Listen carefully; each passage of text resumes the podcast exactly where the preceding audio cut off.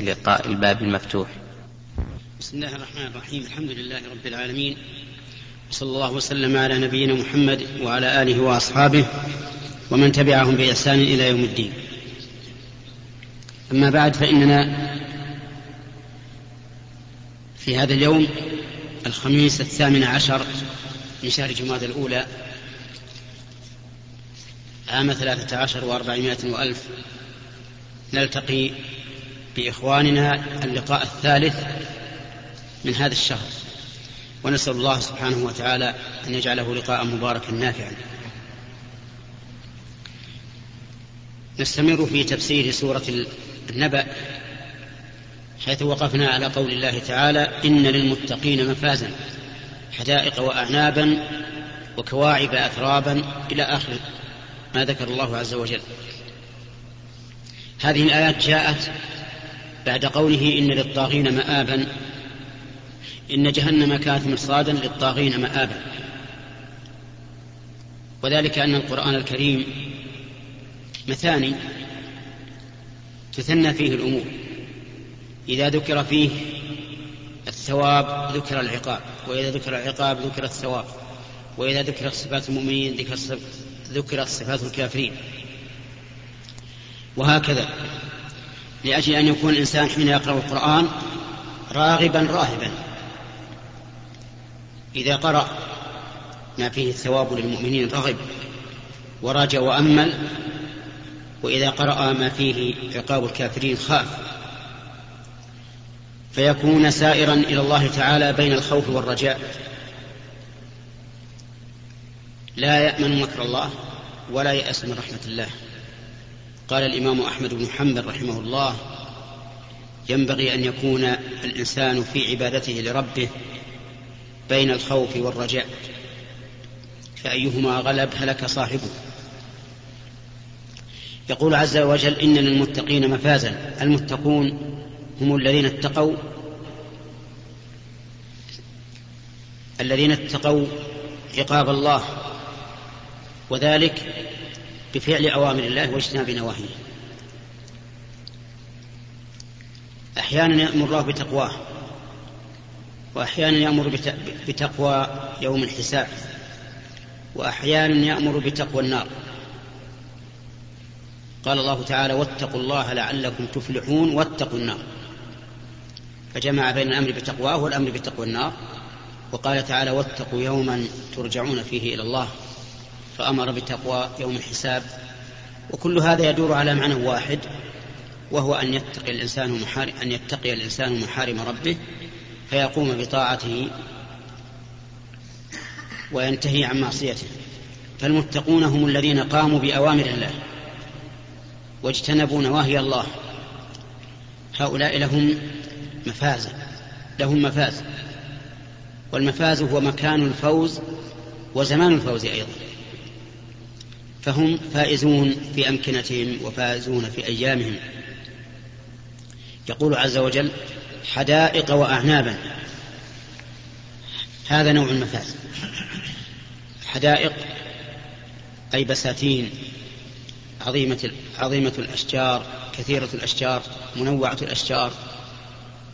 وأعنابا الأعناب جمع عنب وهي من جملة الحدائق. لكنه خصها بالذكر. وكواعب أترابا الكواعب جمع كاعب وهي التي تبين ثديها ولم يتدلل بل برز وظهر كالكعب. وهذا أكمل ما يكون في جمال الصدر. وأترابا أي على سن واحدة. لا تختلف إحداهن عن الأخرى. كبرا كما في نساء الدنيا لأنها لو اختلفت إحداهن عن الأخرى كبرا فربما تختل الموازى بينهما وربما تكون إحداهما محزونة إذ لم تساوي الأخرى لكن لكنهن أتراب. وكأسا دهاقا أي كأسا ممتلئة. والمراد بالكأس هنا كأس الخمر وربما يكون للخمر وغيره لأن الجنة فيها أنهار من ماء غير آسن وأنهار من لبن لم يتغير طعمه وأنهار من خمر لذة للشاربين وأنهار من عسل مصفى. الكأس الدهاق يعني المملوءة من الخمر وربما يكون من الخمر وغيره لا يسمعون فيها لغوا ولا كذابا لا يسمعون في الجنة لغوا أي كلاما باطلا لا خير فيه ولا كذابا أي ولا كذبا فلا يكذبون ولا يكذب بعضهم بعضا لأنهم على سرر متقابلين. قد نزع الله ما في صدورهم من غل وجعلهم إخوانا. جزاء من ربك عطاء حسابا. أي أنهم يجزون بهذا جزاء من الله سبحانه وتعالى على أعمالهم الحسنة التي عملوه عملوها في الدنيا واتقوا بها محارم الله. وقوله عز وجل حسابا أي كافيا مأخوذة من الحسب وهو الكفاية. أي أن هذا الكأس كأس كاف لا يحتاجون معه إلى غيره لكمال لذته وتمام منفعته. ثم قال عز وجل رب السماوات والأرض وما بينهما الرحمن. فالله سبحانه وتعالى هو رب كل شيء. قال الله تعالى قل إنما قال الله تعالى إنما أمرت أن أعبد رب هذه البلدة, الذي حرمها وله كل شيء. فهو رب السماوات السبع الطباق ورب الأرض وهي سبع كما ثبت ذلك في السنة عن رسول الله صلى الله عليه وآله وسلم. وما بينهما أي ما بين السماوات والأرض من المخلوقات العظيمة كالغيوم والسحب والأفلاك وغيرها مما نعلمه ومما لا يعلمه إلا الله سبحانه وتعالى. وقوله لا يملكون منه خطابا يوم يقوم الروح. يعني أن الناس لا يملكون خطابا من الله. ولا يستطيع أحد أن يتكلم إلا بإذن الله. وذلك يوم يقوم الروح وهو جبريل. والملائكة صفا أي صفوفا صفا بعد صف. لأنه كما جاء في الحديث تنزل ملائكة السماء الدنيا فتحيط بالخلق. ثم ملائكة السماء الثانية من ورائهم ثم الثالثة والرابعة والخامسة وهكذا صفوفا لا يعلم عددهم إلا الذي خلقهم سبحانه وتعالى. يوم يقوم الروح والملائكة صفا لا يتكلمون إلا من أذن له الرحمن وقال صوابا أي لا يتكلمون ملائكة ولا غيرهم. كما قال تعالى وخشعت الأصوات للرحمن فلا تسمع إلا همسا إلا من أذن له الرحمن بالكلام فإنه يتكلم كما أذن له. وقال صوابا أي قال قولا صوابا موافقا لمرضاة الله سبحانه وتعالى وذلك بالشفاعة. إذا أذن الله لأحد أن يشفع شفع فيما أذن له فيه على حسب ما أذن له. قال الله تعالى ذلك اليوم الحق أي ذلك الذي أخبرناكم عنه هو اليوم الحق. وهو والحق ضد الباطل أي الثابت الذي يقوم فيه الحق ويقوم فيه العدل يوم لا ينفع نفس يوم لا ينفع مال ولا بنون إلا من أتى الله بقلب سليم. أعانني الله وإياكم على ذلك اليوم. فمن شاء اتخذ إلى ربه مآبا أي من شاء عمل عملا يؤوب به إلى الله ويرجع به إلى الله وذلك العمل الصالح الموافق لمرضاة الله تعالى. وقوله لمن شاء فمن شاء اتخذ إلى ربه مآبا قيدتها آية أخرى. وهي قوله تعالى لمن شاء منكم أن يستقيم وما تشاءون إلا أن يشاء الله رب العالمين. يعني أننا لنا الخيار فيما نذهب إليه. لا أحد يكرهنا على شيء. لكن مع ذلك خيارنا وإرادتنا ومشيئتنا راجعة إلى الله وما تشاءون إلا أن يشاء الله. وإنما بين الله ذلك في كتابه من أجل أن لا يعتمد الإنسان على نفسه وعلى مشيئته بل يعلم أنها مرتبطة بمشيئة الله حتى يلجأ إلى الله في سؤال الهداية لما يحب ويرضى. لا يقول الإنسان أنا حر أريدك ما شئت وأتصرف كما شئت.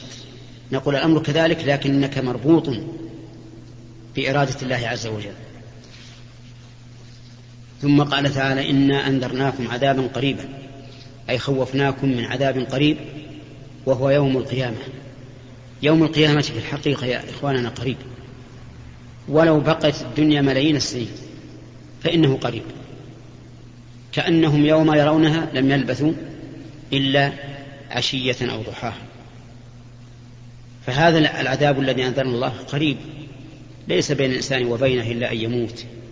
والإنسان لا يدري متى يموت. قد يصبح ولا يمسي أو يمسي ولا يصبح.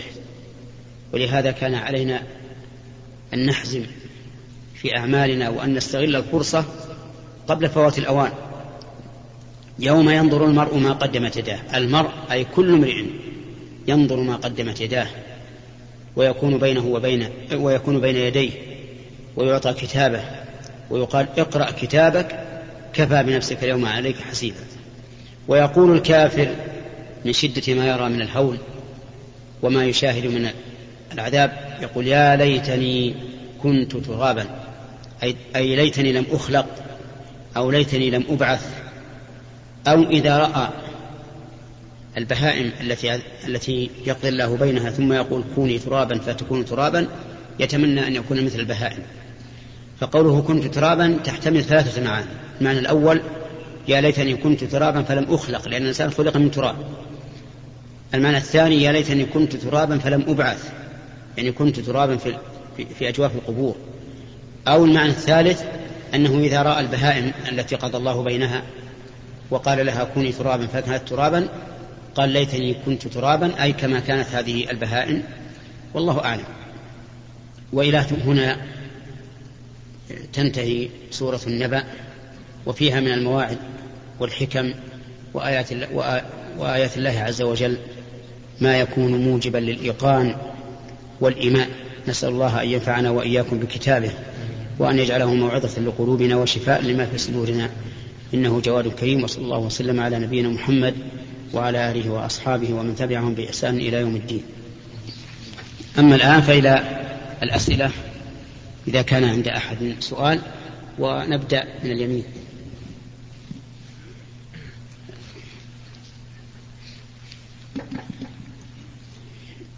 الله الرحمن الرحيم والصلاة والسلام على أشرف الأنبياء والمرسلين نبينا محمد صلى الله عليه وسلم وعلى آله وصحبه أجمعين. فضيلة الشيخ سائل يقول يرد في الحديث عن النبي عليه الصلاة والسلام قوله ليكونن من أمتي أقوام كذا وكذا هل القصد في الحديث أمتي المسلم والكافر أم المسلم فقط الحديث عام. من هذا وهذا. لكن الغالب أنها تكون للمؤمنين. ولكنه ليس هذا دليلا على جواز هذا الشيء الذي يقع بل قد يكون للتحذير منه مثل قوله عليه الصلاة والسلام لا يكونن أقوام من أمتي يستحلون الحرى والحرير والخمر والمعازف. هذا لم يقله على وجه التقرير لكنه قاله على وجه التحذير يعني فاحذروا من هذا. ومثل قوله عليه الصلاة والسلام لتتبعن سنن من كان قبلكم. هذا القدة قدة قال اليهود والنصارى قال فمن؟ فهو أخبر بأن من أمته من يتبع اليهود والنصارى ولكنه لم يقل ذلك على سبيل التقرير بل على سبيل التحذير. نعم. يجيك المصدر. بسم الله الرحمن الرحيم. فضيلة الشيخ وقفت على حديث ما معناه لا اعتكاف إلا في المسائل الثلاثة. نعم. ومن المعلوم أن في كتب الفقه والحديث دائما نقرأ أحكام الاعتكاف وتفصيله وما يشرع له وما يبطله إلى آخره. كيف ذلك؟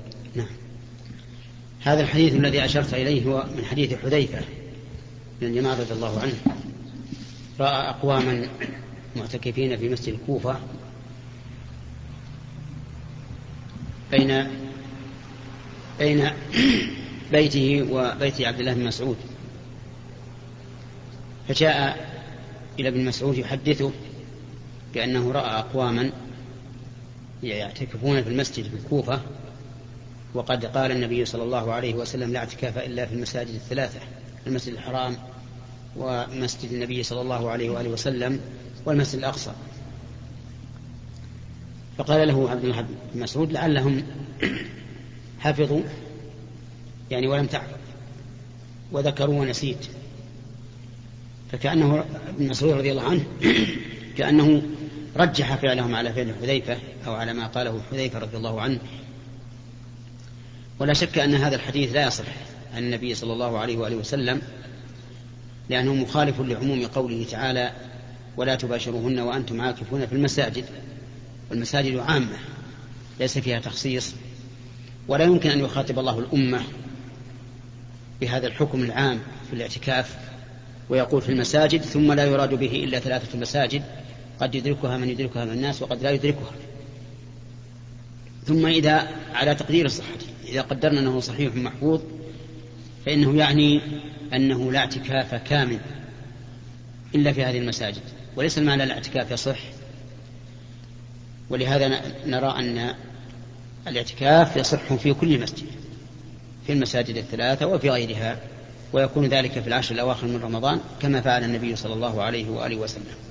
وليس كما قال بعض أهل العلم إنه ينبغي لكل من دخل المسجد أن ينوي الاعتكاف فيه فإن هذا بدعة لم يكن معروفا للنبي عليه الصلاة والسلام ولا لأصحابه. ولو كان من الشرع لأرشد إليه النبي صلى الله عليه وآله وسلم بقوله وفعله. فها هو يتحدث عليه الصلاة والسلام عمن تقدم إلى يوم الجمعة ويقول من اغتسل فجاء في الساعة الأولى فله فكأنما قرب بدنه إلى آخر الحديث ولم يقل ولينوي الاعتكاف مع أنه حث على المجيء مبكرا. ولم يقل ولينوي الاعتكاف حتى تأتي الصلاة. فالصواب أن الاعتكاف المشروع ما كان في العشر الأواخر كما كان رسول الله صلى الله عليه وسلم يفعل. نعم. لصحتها التي في الكمال. نعم. بسم الله الرحمن الرحيم. آه، فضيلة الشيخ ما هو الضابط في تقديم التعازي لأهل الميت؟ ما هو إيش؟ الضابط. نعم. في تقديم التعازي لأهل الميت خاصة وأننا نجد في بعض البلدان أنهم يقرؤون الفاتحة على على الميت وأنهم يستدلون بذلك آه، بأنه إذا كان القراءة على المريض مثلا الرقية فالميت من باب أولى أن يقرأ عليه الفاتحة. ونرجو البسط في هذه المسألة لأننا نجد كثير من الخلافات فيها جزاكم الله خير. آه، العزاء. العزاء مشروع لكل مصيبة. العزاء مشروع لكل مصيبة. فيعز المصاب. وليس الأقارب فقط. قد يصاب الإنسان بموت صديقه أكثر مما يصاب بموت قريبه وقد يموت القريب للشخص ولا يصاب به ولا يهتم به. وربما يفرح بموته إذا كان بينهما مشاكل. فالعزاء في الأصل إنما هو لمن أصيب. ويعزى يعني يقوى على تحمل الصبر. لأن يعني عزيته أي قويته على تحمل الصبر. وأحسن ما يعزى به ما فعله ما, ما فعله النبي عليه الصلاة والسلام حيث أرسل إلى إحدى بناته فقال مرها فلتصبر ولتحتسب فإن لله ما أخذ وله ما أبقى وكل شيء عنده بأجل مسمى. وأما وأما اجتماع الناس للعزاء في بيت واحد فإن ذلك من البدع. فإن, فإن انضم إلى ذلك صنع الطعام في هذا البيت كان من النياحة كما كان الصحابة رضي الله عنهم يعدون ذلك أي الاجتماع عند أهل الميت وصنع الطعام. يرونه من النياحة والنياحة كما يعلمه كثير من أهل العلم أو من طلبة العلم من كبائر الذنوب. فإن النبي صلى الله عليه وآله وسلم لعن النائحة والمستمعة. وعلى هذا فيجب على طلبة العلم أن يبينوا للعامة أن هذا أمر غير مشروع وأنهم إلى الإثم أقرب منهم إلى السلامة وأن الواجب على خلف هذه الأمة أن يتبعوا سلفها فهل جلس النبي عليه الصلاة والسلام للعزاء في بناته في أولاده في في زوجته خديجة وزوجته زينب بنت خزيمة هل جلس لهذا؟ هل جلس أبو بكر؟ هل جلس عمر؟ هل جلس عثمان؟ هل جلس علي؟ هل جلس أحد من الصحابة ينتظرون من يعزيهم؟ أبدا. لم يفعل هذا. ولا شك أن خير الهدي هدي محمد صلى الله عليه وآله وسلم. وأما ما تلقي عن الآباء وجرت به العادات فهذا يعرض على الكتاب والسنة وهدي السلف فإن وافقه فهو مقبول لا لأنه عادة ولكن لأنه وافق السنة. وما خالفه فيجب أن يرفض. ولا ينبغي لطلبة العلم أن يخضعوا للعادات وأن يقولوا كيف ننكر على آبائنا وأمهاتنا وأخواننا شيئا معتادا لأننا لو أخذنا بهذه الطريق ما صلح شيء. بقيت الأمور على ما هي عليه من الفساد. وأما قراءة الفاتحة فهي أيضا آه، بدعة على بدعة. فما كان الرسول عليه الصلاة والسلام يعزي بقراءة الفاتحة أبدا ولا غيرها من القرآن. وأما قولهم إنه يقرأ بها على المريض فنقول إنه يقرأ بها على المريض ليشفى بها. لأن النبي صلى الله عليه وسلم قال وما يدريك أنها رقية. فهي تقرأ على المرضى ويشفون بإذن الله.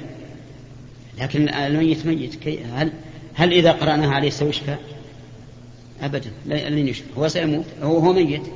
ما يبعث إلا يوم القيامة. كل هذه من الأشياء التي يجب على طلبة العلم أن ينتزعوها أن ينتزعوها من مجتمعاتهم. وأن يعودوا إلى ما كان عليه السلف الصالح. فإذا قيل إذا متى نعزي؟ قلنا أولا العزاء ليس بواجب. غاية ما فيه أنه سنة. ثانيا أن العزاء للمصاب الذي نعرف أنه تأثر بالمصيبة فنعزيه ونرد عليه المواعظ حتى يطمئن. ثالثا أن العزاء المشروع ليس بالاجتماع في البيت. في أي مكان تلاقيه في السوق في المسجد وما أشبه ذلك. نعم. بسم الله الرحمن الرحيم. فضيلة الشيخ القائم بقضاء ما فاته هل يجوز أن يقتدي به شخص آخر؟ نعم. يعني الرجل المسبوق الذي دخل مع الإمام في أثناء الصلاة ثم قام يقضي ما فاته هل يأتم به أحد؟ دخل معه؟ وتسلسل بعده. نعم. هذا التسلسل الثاني. اختلف أهل العلم في هذه المسألة فمنهم من قال إن هذا غير صحيح وأنه لا يصح أن يأتم به أحد. ومنهم من قال إنه صحيح لكن خلاف الأولى. وهذا هو الأقرب أنه صحيح لكن خلاف الأولى. وهو إلى البدعة أقرب منه إلى السنة. لأن الصحابة رضي الله عنهم ما كانوا يفعلون هذا. كان الرجل إذا فاته شيء من الصلاة قام فقضاه وحده. ثم إن هذا يؤدي كما ذكرت إلى التسلسل. فيصلي من دخل مع هذا القاضي الذي يقضي ما فاته. وربما يفوته شيء يعني هذا الداخل فيقضي بعد بعد من ائتم به. ثم يأتي ثالث ورابع وفي هذه الحال يظهر جدا أنه بدعة. نعم. بسم الله. السلام عليكم ورحمة الله وبركاته. السلام ورحمة الله وبركاته. فضيلة الشيخ بعض أصحاب المزارع يشتري مثلا خمسين فرخ نخلة مثلا بخمسين ألف دون أن يحدد آه، نوع آه، أو نفس الحجم الفراخة لكن يشترط عليه أن لا يبيع شيء حتى يأخذ الخمسين حقه. فإذا كان لا يجوز فما رأيكم حث أئمة المساجد بذلك لأنه هذا سائر وإذا كان يجوز فأرجو أفتانا جزاكم الله خير. لا شك أنه إذا اشترى منه فراخة نخل فإنه على قسمين القسم الأول أن يشتري منه موصوفا في الذمة. وفي هذه الحال لا بد أن يحدد النوع والكمية. والحجم. لقول النبي عليه الصلاة والسلام من أسلف في شيء فليسلف في كيل معلوم ووزن معلوم إلى أجل معلوم. كمثل يقول اشتريت منك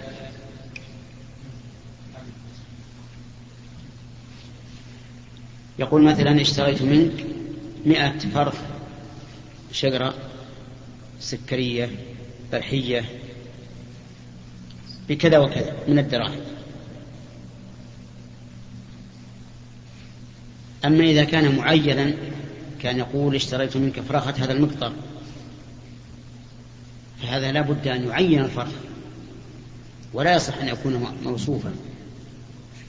بل يقول هذه الفراخة العشرة ويعينها ويصمها بما تعرف به.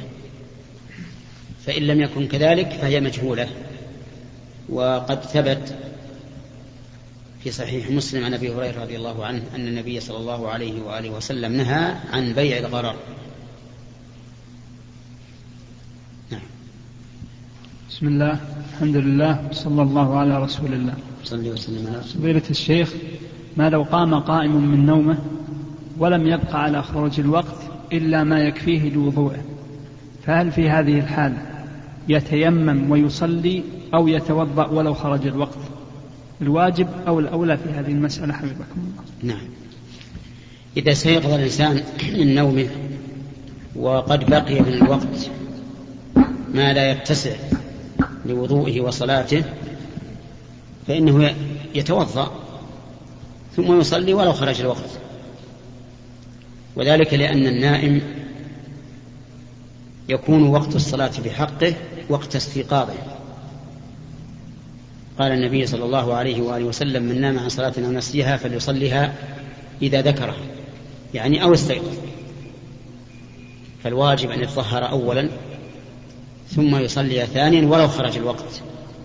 وفي هذه الحال تكون صلاته على القول الراجح تكون أداء أي كالذي صلى في الوقت. ولكن يجب علينا أن ننتبه إلى أنه لا يجوز للإنسان أن يغلب جانب النوم على جانب الصلاة بل الواجب أن يكون عنده منبه ساعة أو تلفون يأمر مثل أصحابه أن يزهموا عليه إذا حان وقت الصلاة. وإذا كان عنده في البيت أحد يستيقظ فليطلب منه أن يوقظه. وأما التهاون فإنه لا يجوز. فيجب أن ننتبه لهذا الأمر. يعني لا يقول قائل إن قول الرسول صلى الله عليه وآله وسلم من نام عن صلاة المنسية فليصلي هذا ذكرها يدل على أن الأمر هين. لا لكن النوم إذا لم يكن عند الإنسان من يوقظه ولم يتمكن من الاستيقاظ ولا وتعذرت الوسائل كلها ففي هذه الحال يكون معذورا. نعم. بسم الله الرحمن الرحيم. أي يجب أن يتوضأ وجوبا. نعم. بسم الله الرحمن الرحيم. آه، في قوله تعالى سورة الأنفال يقول تعالى وألف بين قلوبهم لو أنفقت ما في الأرض جميعا ما ألفت بين قلوبهم ولكن الله ألف بينهم. هل في نكتة بلاغية في مسألة ولكن الله ألف بينهم ولم يذكر قلوبهم؟ نعم. معلوم لأن قوله ولكن الله ألف بينهم أظهر في التأليف من قوله ألف بين قلوبهم. لأنها إذا تآلفت الظواهر كان ذلك كان ذلك دليلا على تآلف البواطن. لكن لو تألفت البواطن فقد تتخلف أو يتخلف التآلف في الظواهر. فلهذا قال الله تعالى لنبيه لو أنفقت ما في الأرض جميعا ما ألفت بين قلوبهم ولكن الله ألف بينهم. هذا وجه. الوجه الثاني أن المدار على تأليف القلوب وهو أمر باطن لا يقدر عليه إلا الله. أما تأليف الظواهر فقد يأتي شخص من الناس ولا سيما من له كلمة في مجتمعه ويؤلف بين بين الاثنين تألف تأليفا سوريا. تأليفا سوريا ويقول أنا ألفت بين هذين الرجلين وجمعت بينهما وأصلحت بينهما لكن قلوبهما متعادية ومثل هذا التآلف لا يدوم طويلا. فلهذا قال ما ألفت بين قلوبهم ولكن الله ألف بينهم. نعم. فضيلة الشيخ بالنسبة للكفار الذين يريدون الدخول في الإسلام ويرى بعض الأخوة أن لا يستعجل في دخولهم في الإسلام بل يرى أن يعطوا كتبا وأشرطة ويبقوا شهر وشهران حتى يتعلموا ويتفقهوا في العقيدة الإسلامية. هل أولى وهم يريدون الإسلام. يأتي الرجل ويقول أريد أن أدخل في الإسلام وبعد ذلك تخبروني بما يجب علي من العبادات. هل أولى أن نسارع ونجعله يدخل في الإسلام أم نعطيه فرصة حتى يتعلم ثم يسلم؟ الواقع أن بعض بعض الناس كما ذكرت يقول هؤلاء الذين جاءوا إلينا وافدين قد يقول قائل منهم أنا أريد الإسلام وهو جاهل به. فإذا دخل في الإسلام ثم لم يرق له ولم يستحسن شعائر الإسلام نكص على عقبيه. وحينئذ تكون الطامة أعظم. لأنه إذا دخل في الإسلام ثم نكص صار مرتدا. لكن لو بقي على دينه صار كافرا أصليا. والمرتد أعظم من الكافر الأصلي لأن الكافر الأصلي يقر على دينه والمرتد لا يقر على ردته يدعى للإسلام فإن تاب وإلا قتل. فيرى بعض الإخوة أن لا نتعجل ثم إن بعض هؤلاء العمال قد يدعي أنه مسلم لغرض دنيوي. ليس لحب, ليس لحب في الإسلام. فكوننا نقيم عليه الحجة ببيان الإسلام ثم يدخل عن بصيرة أولى رحمك الله أولى من كوننا نتعجل. وعلى هذا فينبغي أن ينظر, أن ينظر للقرائن. إذا رأينا أن هذا الرجل عامل بين قوم مسلمين وكان يشاهدهم ويشاهد طهارتهم وصلاتهم وأذكارهم وسيرهم فهذا من من حين ما يقول إنه راغب في الإسلام نقبل منه. وأما إذا كان جاهلا وقد أتى حديثا ولم يدع عن الإسلام شيئا فهنا يحسن أن نبين له الإسلام أولا ثم آه، نقبل منه دعوة الإسلام. نعم. بسم الله الرحمن الرحيم. فضيلة الشيخ هل اسم أو هل المحيي والستير يعتبران من أسماء الله؟ كذلك بعض الموظفين يا شيخ عندهم وقت لا عمل لهم فيه. لا سؤال واحد. المحيي ليس من أسماء الله من أسماء الله الحي. أما المحيي فهو فعل من أفعال الله. قال الله تعالى وهو الذي يحيي ويميت. هو الذي يحيي ويميت فإذا قضى امرا فإنما يقول له كن فيكون. فالمحيي فعل من اسم فاعل من أحيا فهو من صفات الأفعال وليس من الأسماء. وأما الستير فقد ورد فيه الحديث ولكن يحتاج إلى نظر في صحته. فإذا صح فهو من أسماء الله لأن مثل السنة والجماعة أن كل ما صح عن رسول الله صلى الله عليه وسلم من أسماء الله فإنه ثابت. نعم. يعني فإنه ثابت أي ثابت التسمية به. بعده. فضيلة الشيخ الحديث السبعين الذين يدخلون الجنة بدون حساب ولا عذاب. والمقصود بالاكتفاء وال... نعم. هذا الحديث حديث طويل مشهور. أن أن النبي صلى الله عليه وسلم رأى سوادا عظيما. قد سد الأفق فقيل له هذه أمتك. ومعهم سبعون ألفا يدخلون الجنة بغير حساب ولا عذاب. فجعل الصحابة رضي الله عنهم يعني يتساءلون بينهم من هؤلاء؟ فقال النبي صلى الله عليه وسلم هم الذين لا يسترقون ولا يكتوون ولا يتطيرون وعلى ربهم يتوكلون. قوله لا يسترقون أي لا يطلبون من أحد أن يقرأ عليهم. لمرض كان فيهم ولا يكتمون لا يطلبون من أحد أن يكويهم. ولا يتطيرون لا يتشاءمون وعلى ربهم يتوكلون يعتمدون. اعتمادا كليا. وعلم من قوله لا يسترقون أنهم لو قرأوا على غيرهم فلا بأس. ولا يحرمون من هذا الثواب العظيم. وأنه لو قرأ عليهم غيرهم بلا طلب منهم فلا بأس. ولا يحرمون من هذا الثواب العظيم. وكذلك من اكتوى من كواه غيره بلا طلب منه فإنه لا يحرم هذا الثواب. وأما التطير فهو التشاؤم. قال العلماء التشاؤم بمرئي أو مسموع أو معلوم. التشاؤم بمرئي مثل أن يرى شيئا فيقع في نفسه التشاؤم. كأن يرى طيرا أسود فيقول هذا سواد يومي. كأن يرى شيئا أمامه عثر فمات فيتشاءم ويقول إن ذهبت إلى هذا الطريق حصل لي مثل ما حصل لهذا الشخص أو ما أشبه ذلك. والتشاؤم بمسموع مثل أن يسمع كلمة فيتشاءم بها.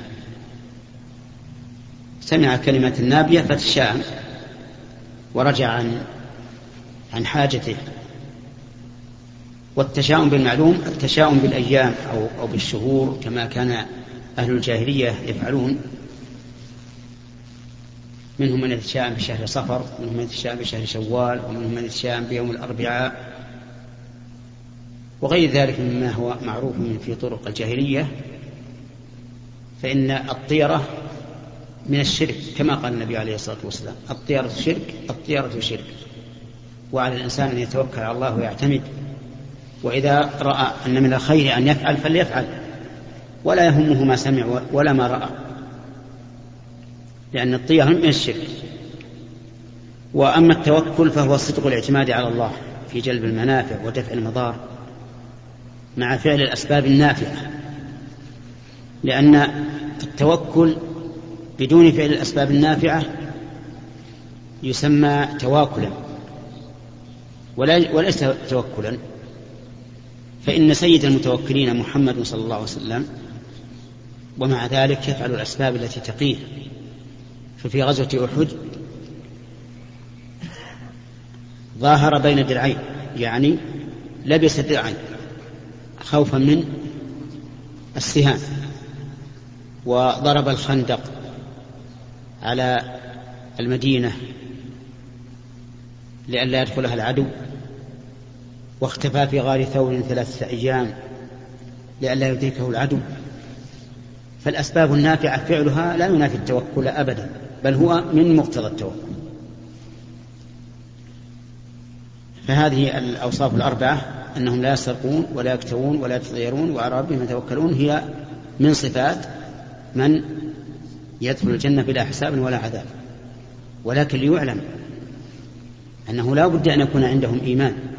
فلو فرضنا أن أحدا لا اتصف بهذه الصفات لكنه لا يصلي فهذا لا يدخل الجنة أبدا لا بحساب ولا بغير حساب. لأن من لا يصلي كافر ولا ينفعه أنه لا يسترقي ولا يكتوي ولا يتطير وأنه يتوكل ويعتمد على الله فيجب أن ننتبه لهذه المسألة. نعم. بسم الله. والصلاة والسلام على رسول الله. فضيلة الشيخ ما معنى الفاضل والمفضول وأيهما أفضل؟ معلوم أن المفضول يعني الذي فضله غيره والفاضل الذي فيه الفضل. فإذا قيل فاضل ومفضول فالفاضل هنا بمعنى أفضل. وأما إذا قيل فاضل بدون ذكر المفضول فالفاضل قد يكون غيره أفضل منه. فالمراتب ثلاث أفضل وفاضل ومفضول. فإذا قيل أفضل فمعناه أنه لا بد من شيء مفضول. مثال ذلك رجل يريد أن يتفرغ لطلب العلم أو يصلي نوافل. صلاة النوافل لا شك أن فيها فضلا لكن طلب العلم أفضل منها بكثير. شخص آخر آه، أراد أن أن يتصدق على فقير عنده بعض الكفاية وآخر أراد أن يتصدق على فقير ليس عنده شيء من الكفاية فالأفضل الثاني وكلاهما فيه فضل.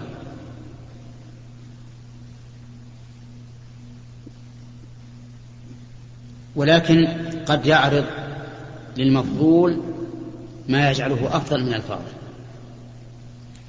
مثاله قراءة القرآن من أفضل الذكر.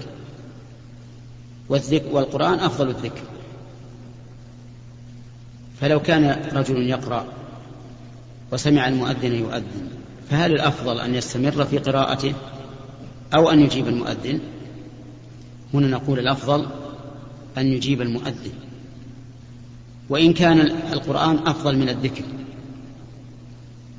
لكن الذكر في مكانه أفضل من قراءة القرآن.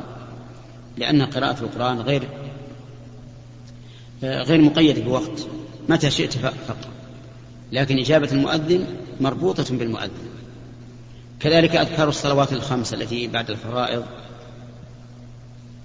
لو قال قائل أنا أريد من حين أن أسلم أن أقرأ, أن أقرأ القرآن. فهل الأفضل أن أقرأ القرآن أو أن أقول الذكر الوارد؟ ما الجواب؟ الذكر الوارد. بل إن الرسول عليه الصلاة والسلام قال ألا وإني نهيت أن أقرأ القرآن راكعا أو ساجدا. مع أن قراءة القرآن من أفضل الأعمال. لكن يقول إذا كنت راكعا فأنت منهي أن تقرأ القرآن. حتى أن بعض نعم وكذلك إذا كنت ساجدا فإنك منهي أن تقرأ القرآن. وتقول سبحان ربي العظيم في الركوع وسبحان ربي الأعلى في السجود. وقد قال بعض العلماء لو قرأ الإنسان القرآن وهو راكع أو ساجد بطل الصلاة لأنه فعل شيئا منهيا عنه. فأنت ترى الآن أن الرسول عليه الصلاة والسلام قال إني نهيت يعني نهاني ربي أن أقرأ القرآن راكعا أو ساجدا مع أن القرآن من أفضل الذكر. وخلاصة الجواب أن نقول الأعمال لها مراتب بعضها أفضل من بعض لكن قد يعرض للمفضول ما يجعله أفضل من الفاضل. الحمد لله والصلاة والسلام على رسول الله فضيلة الشيخ. يقول بعض الإخوان أن من أدى أركان الإسلام الخمسة أصبح مسلما ولم يطبق السنة النبوية من حف الشارب وإرخاء اللحية وقص الثوب لم يصبح مؤمنا أو مستقيما. أفيدونا جزاكم الله خير هذا صحيح من أن الإنسان إذا أتى بأركان الإسلام الخمسة فهو مسلم. حتى لو لو حلق لحيته أو نزل ثوبه إلى أسفل من الكعبين. فهو مسلم. بل هو مؤمن لكنه ناقص الإيمان لارتكابه هذه المعصية وإصراره عليها. لأنك لو قلت ليس بمسلم فقد أخرجته من الإسلام والإخراج من الإسلام ليس بالهين. لا يجوز لنا أن نخرج شخصا من الإسلام إلا بدليل من الكتاب والسنة أو إجماع الأمة. لأن الإخراج من الإسلام حكم من أحكام الله يترتب عليه مسائل عظيمة.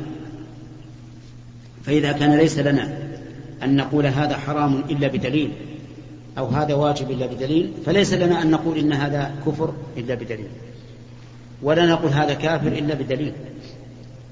والأمة الإسلامية ما فرقها إلا مثل هذا القول المبني على الوهم. فالخوارج لماذا خرجوا على الأئمة وأفسدوا الشيء الكثير من الأمة إلا لأنهم يكفرون بكبائر الذنوب ويقولون من فعل كبيرة فهو كافر مخلد في النار يجب قتاله ومن قرأ التاريخ عرف ما حصل من ظهورهم من المفاسد العظيمة. فالحاصل أن الكفر ليس بالأمر الهين. قد يعصي الإنسان معاصي كثيرة لكن يبقى مؤمنا إلا أنه مؤمن ناقص الإيمان. ولو سألتكم ما هو أعظم شيء من العدوان على بني آدم؟ لكان الجواب القتل. القتل أعظم من أخذ المال ومع ذلك جعل الله تعالى القاتل أخا للمقتول. فقال تعالى يا أيها الذين آمنوا